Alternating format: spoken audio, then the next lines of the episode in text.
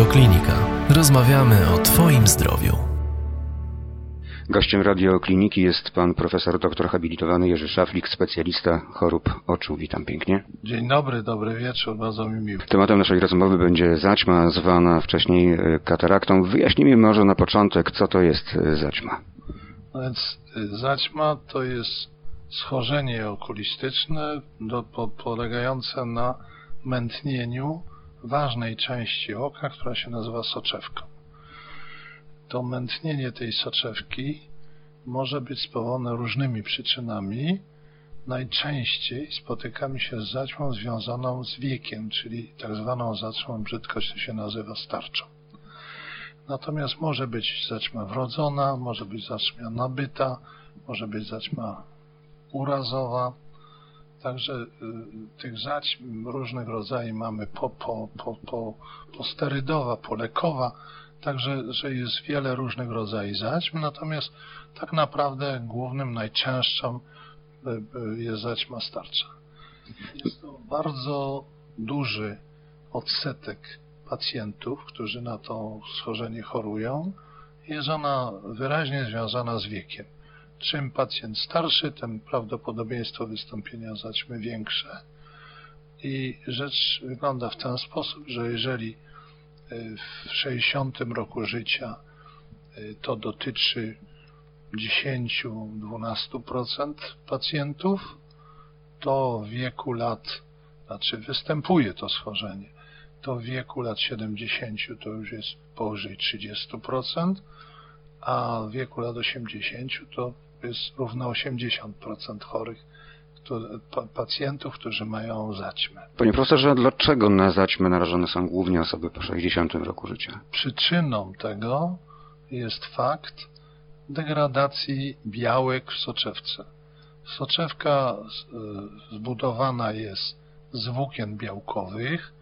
Te włókna układają się tak jak najczęściej porównujemy to do układu cebuli i te zewnętrzne warstwy zaczynają się. Y, jest jeszcze dość charakterystyczna i dość zaskakująca informacja, którą tu chcę powiedzieć, że zaćma, to znaczy, że soczewka rośnie całe życie, będąc ograniczona torebką.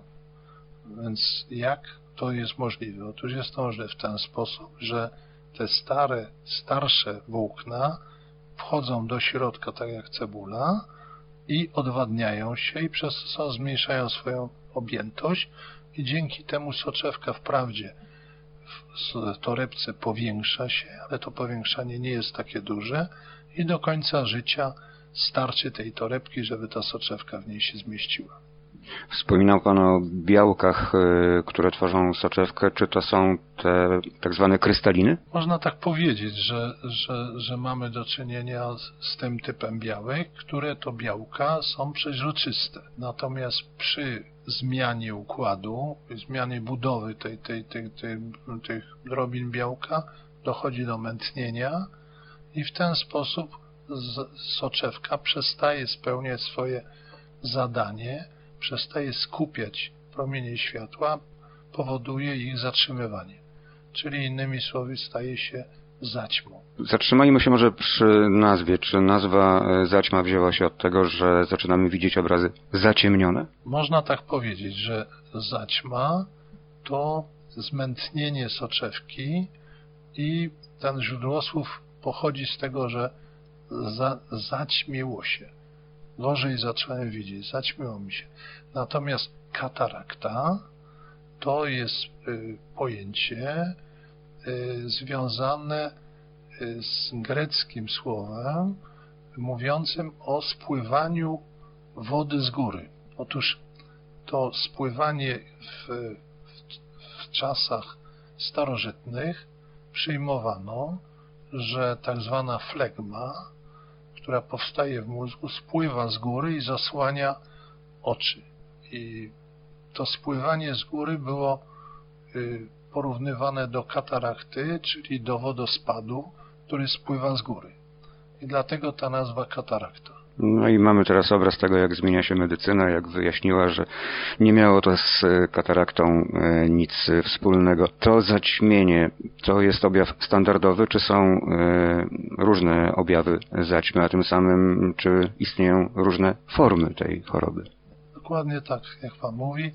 Zaćma może przebiegać w różny sposób. Jedno, co je łączy, wszystkie rodzaje zaćmy, że pogarsza widzenie. To jest jedno wspólne. Natomiast bardzo różnie może to widzenie pogarszać. W zależności od tego, gdzie usytuowane jest zmętnienie w soczewce, czy to jest zmętnienie centralne, czyli tak zwane jądrowe, czy obwodowe, czyli korowe, czy torebkowe, czyli usytuowane na torebce tylnej czy na torebce przedniej, to to, co człowiek, co pacjent widzi, może być różne. I jeżeli mamy do czynienia z zaćmą jądrową, to dochodzi do tak zwanej soczewkowej krótkozroczności i pacjenci, takim dość charakterystyczną rzeczą jest, że pacjent, który zawsze nosił okulary do czytania w starszym wieku, pierw miał minus półtora, potem dwa, potem trzy, czy tam dwa i pół, nagle obserwuje, że zaczynają te okulary być za mocne. I słabsze potrzebuje, a potem dochodzi do sytuacji, może dochodzić do sytuacji, że praktycznie to on zaczyna widzieć dobrze z bliska, natomiast coraz gorzej z daleka. I to jest właśnie tworzenie tak zwanej krótkozroczności soczewkowej. Natomiast yy, zmętnienie, które dotyka tylnych warstw soczewki, będzie powodowało utrudnienie widzenia z bliska i mimo, że zaćma czy to zmętnienie jest niewielkie, to skutki daje bardzo e, duże. To się wszystko wiąże również z formą leczenia, z metodami, kiedy mamy decydować się na wykonanie tego zabiegu. O formach leczenia może za chwilkę. Jeszcze chciałbym zapytać, czy zaćma dotyka również dzieci? Tak, mamy do czynienia z zaćmami wrodzonymi. Te zaćmy mogą być jednostronne lub obustronne, mogą być spowodowane przyczynami genetycznymi i dziedziczeniem.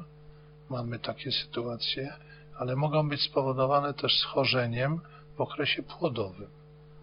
Dochodzi do uszkodzeń, zaburzeń rozwojowych, również mętnień soczewki w okresie płodowym.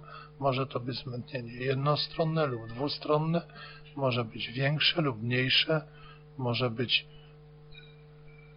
nieznaczne albo bardzo duże i w zależności od tego, z jakim tym schorzeniem mam do czynienia, tak musimy w tym oku postępować. Może to być schorzenie związane z zmianami rozwojowymi w samej gałce, i nie tylko występować może zmętnienie, ale również inne pozostałość płodowych zmian w ciele szklistym i to w zależności od tego możemy oceniać i wyrokować co do wyniku zabiegu, który poddamy to dziecko. Zatrzymajmy się jeszcze przy życiu płodowym. Czym może być spowodowana e, zaćma w tym właśnie okresie?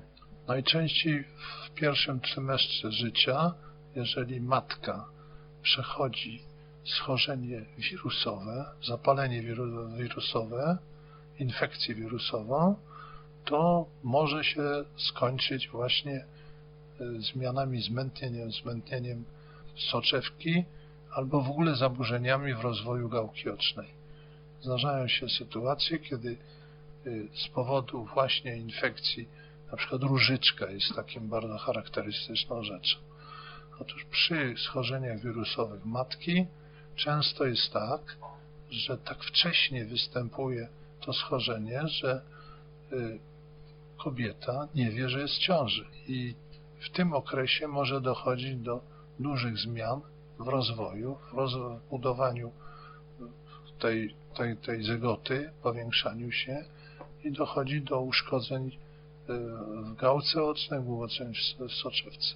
Czy istnieją metody leczenia w trakcie życia płodowego zaćmy, czy trzeba czekać aż do narodzin? Nie, nie, nie da się leczyć zaćmy że w trakcie, w, jako płodu, dlatego że po pierwsze bardzo trudno to stwierdzić. przy pomocy dostępnych w chwili obecnej badań obrazowych, a powtórę musiał, musiałoby to polegać na zabiegu usunięcia tej zaćmy w, w macicy, a to jest praktycznie technicznie niewykonalne, a poza tym tak naprawdę nie miałoby to większego sensu, dlatego że funkcja soczewki zaczyna mieć znaczenie dopiero w życiu pozapłodowym. W okresie płodowym struktury oka nie funkcjonują w sensie percepcyjnym, tylko się organizują, budują, rosną, tworzą. Natomiast proces widzenia, jak już o tym mówimy, jest proces, procesem, który w pewnym sensie jest procesem wrodzonym, ale w swoim dużej części jest procesem nabytym, wyćwiczonym, nauczonym.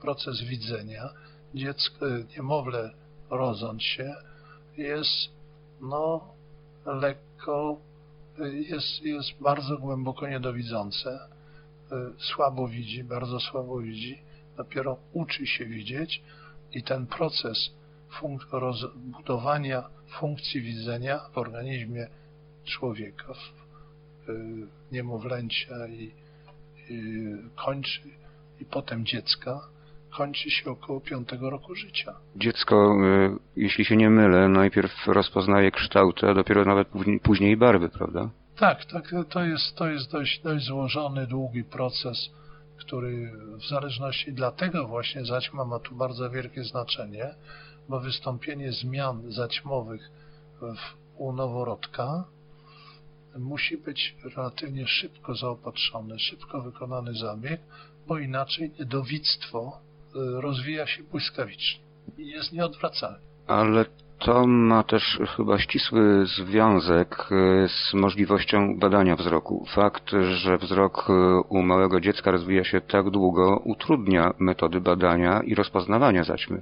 No, rozpoznawanie zaćmy to nie, dlatego że my ma, mamy badania zewnętrzne, mamy, mamy możliwość badania oka, oceniania tego i za, możemy zaobserwować, że jest zaćma to zależy jaka ona jest duża i gdzie ona jest sytuowana, ale generalnie u niemowlęcia jesteśmy w stanie badając, korzystając ze sprzętu, który jest mobilny i dostępny, w sposób y, bardzo precyzyjny określić, czy mamy do czynienia z pełną przeziernością lub soczewki, czy nie.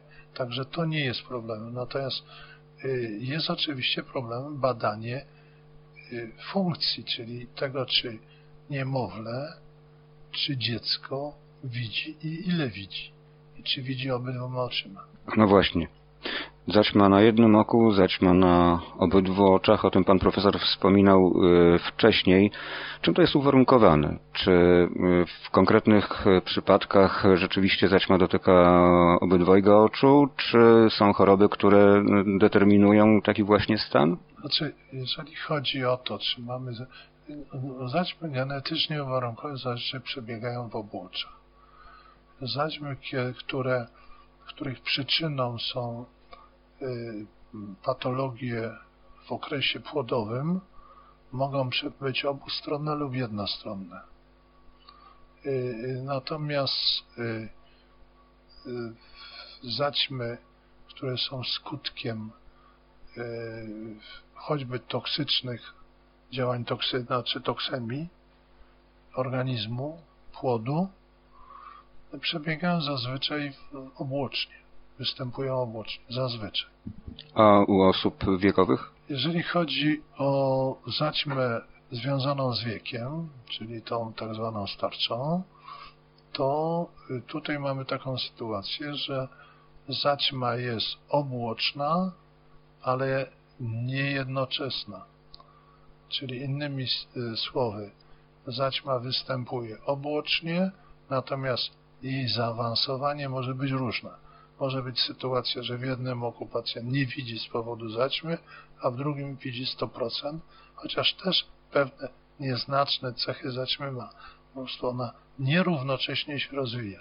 W związku z tym jest taka, może być taka sytuacja, że operujemy jedno oko, a drugie oko nie wymaga operacji, bo jeszcze tej zaćmy nie ma, ale najpewniej w dłuższym lub w krótszej perspektywie czasowej będzie wystąpi. Zanim przejdziemy do wątku terapii, powiedzmy jeszcze, do czego może prowadzić nieleczona zaćma? Do ślepoty. Y, prowadzi do, właściwie do, do, do ślepoty, do sytuacji y, pacjenta ociemniałego, czyli takiego, który widział, a nie widzi, z tym, że mamy tutaj taką dość wyjątkową sytuację, którą nazywamy ślepotą odwracalną, czyli sytuacją, w której pacjent, który jest pacjentem ociemniałym, y, po wykonaniu zabiegu wraca mu funkcja widzenia, a w pewnych określonych sytuacjach może być tak, że po zabiegu widzi lepiej niż przed, przed zabiegiem, znaczy niż prze, przed wystąpieniem schorzenia. Bo wiadomo, że on będzie lepiej widział po usunięciu zaćmy, ale może lepiej widzieć y, w stosunku do okresu, kiedy zaćmy nie miał. Bo przy okazji można dokonać korekty wzroku. Tak jest, ma pan rację. Można skorygować wady optyczne układu wzrokowego, czyli możemy spowodować, że wadę wzroku, tak zwaną plusową lub minusową, czyli krótkowzroczną lub nadzroczną, usuniemy. Możemy przy okazji zniwelować astygmatyzm i to powoduje, że ten pacjent, który całe życie od młodości nosił grube okulary albo nosił cylindryczne okulary, nie mógł sobie poradzić bez okularów, nie widział źle. Po, zabiegu, po, po usunięciu i wymienieniu soczewki spowodowanej zaćmą, no możemy mu stworzyć warunki dużo lepsze niż w okresie, kiedy, kiedy nie miał zaćmy i, i był pozornie zdrowy. Czyli de facto leczenie zaćmy może być połączone z chirurgią refrakcyjną oka. Dokładnie tak jest, jak pan mówi, e, chirurgia zaćmy jest traktowana współcześnie jako chirurgia refrakcyjna. Wspomnijmy może jeszcze o tym, jak kiedyś leczono zaćmę, a może te metody pozostały do dzisiaj? No, zaćma, i to może być pewnym zaskoczeniem, jest jedną z najwcześniej chirurgicznie leczonych schorzeń na świecie historii świata. Drugą taką też informacją, która, którą tu trzeba powiedzieć, że zaćma przez e, od dawna i aktualnie również jest najczęściej wykonywanym zabiegiem operacyjnym na świecie. I trzecia informacja, która przy tej okazji też, o której można powiedzieć, że zaćma jest schorzeniem, które, o czym żeśmy mówili, jest schorzeniem odwracalnym, czyli widzenie po wykonaniu zabiegu y, wraca do funkcji wyjściowej. Obecnie mamy do czynienia z y, nowatorskimi sposobami leczenia tej choroby. Natomiast y, chciałbym nawiązać też do wątku dotyczącego różnego jej umiejscowienia. Czy ten fakt wpływa na sposoby nowatorskich metod leczenia? Też. Bardziej istotnym jest zaawansowanie choroby. Kiedyś, stosując techniki wcześniejsze, ważne było, żeby ta zaćma była dojrzała, żeby była zaawansowana, żeby była bardziej twarda, żeby łatwiej ją można było wydobyć z wnętrza oka. W chwili obecnej czym zaćma jest bardziej miękka, jest wygodniejsza w operacji, mniej Y, energii ultradźwiękowej trzeba wykorzystać, żeby rozbić twarde fragmenty zaćmy, czyli innymi słowy, w tej chwili zaopatrujemy pacjentów z wczesnym wystąpieniem wczesnej zaćmy, zaopatrujemy pacjentów. Ma to jeszcze jedno bardzo ważne znaczenie. Mianowicie pacjent, kiedy zaczyna mieć dyskomfort z powodu zaćmy, jeszcze widzi, jeszcze może sobie na wiele pozwolić, wszystko zrobić, ale, ale już zaczyna mieć dyskomfort. Albo wykonuje taki zawód, w którym ta zaćma niewielka zaczyna mu bardzo przeszkadzać, na przykład jest, y, no, pracuje w cyferkach. Albo jest kierowcą. No, albo jest kierowcą, oczywiście. Oczywiście, bardzo dobrze. Y, y, I on wtedy, jemu ta zaćma bardzo wcześnie zaczyna przeszkadzać. Kierowcy zaczyna przeszkadzać wieczorem, kiedy ma olśnienie, kiedy każde źródło światła jest snopem światła rozproszonego, kiedy ma gorsze postrzeganie y, w sytuacji zmierzchowej, może nie zauważyć kogoś na, na jezdni, prawda? Tak, ale choroba zmierzchowa może też być spowodowana brakiem chyba witaminy A, jeśli dobrze wiem. Inna choroba, to inna, mówimy teraz o soczewce cały czas. Pacjent wtedy, nie pacjent, a ten kierowca naraża siebie i naraża innych. Mimo, że przy badaniu on będzie widział 100%, ale już będą takie sytuacje, które w zmienionym natężeniu światła będą przeszkadzały. Także mówimy o kierowcy. Ktoś, kto pracuje w cyferkach, pisze cyferki, y, prowadzi buchalterię na przykład, to wtedy szóstka z, z ósemką, szóstka z zerem, dziewiątka z zerem, dziewiątka z szóstką będą się mylić, prawda? Dlatego wcześniej trzeba tych pacjentów zaopatrywać, trzeba ich wcześniej operować. Zaćma y, zaawansowana zaćma powoduje bardzo wiele negatywnych skutków dla organizmu człowieka. W bardzo dużym odsetku tych pacjentów mamy do czynienia z poczuciem wyobcowania ze środowiska, odrzucenia. Yy, mają różne zaburzenia o charakterze również psychicznym. Oni są, mają poczucie niepełnowartościowości. A poza tym y, wielokrotnie częściej zdarzają się urazy. Złamanie kości y, szyjki kości udowej występuje sześciokrotnie więcej pacjentów z zaćmą niż bez zaćmy. To dlatego, że występuje niedowidzenie i bardziej narażeni są na wypadki? Tak jest, tak jest. Y, ci pacjenci są po prostu w gorszej y, sytuacji. Y, idąc po schodach, taki pacjent może nie widzieć schodów, może się potknąć, może się wywrócić. I cały szereg innych sytuacji, w których pacjent sobie nie radzi, mimo że z pozoru on tam jeszcze niby widzi. Ale możemy mu pomóc. Padło słowo ultradźwięki. Tak, znaczy możemy pomóc to może inaczej. Powiedzmy, że zaćma jest schorzeniem, którego leczenie sprowadza się wyłącznie do chirurgii.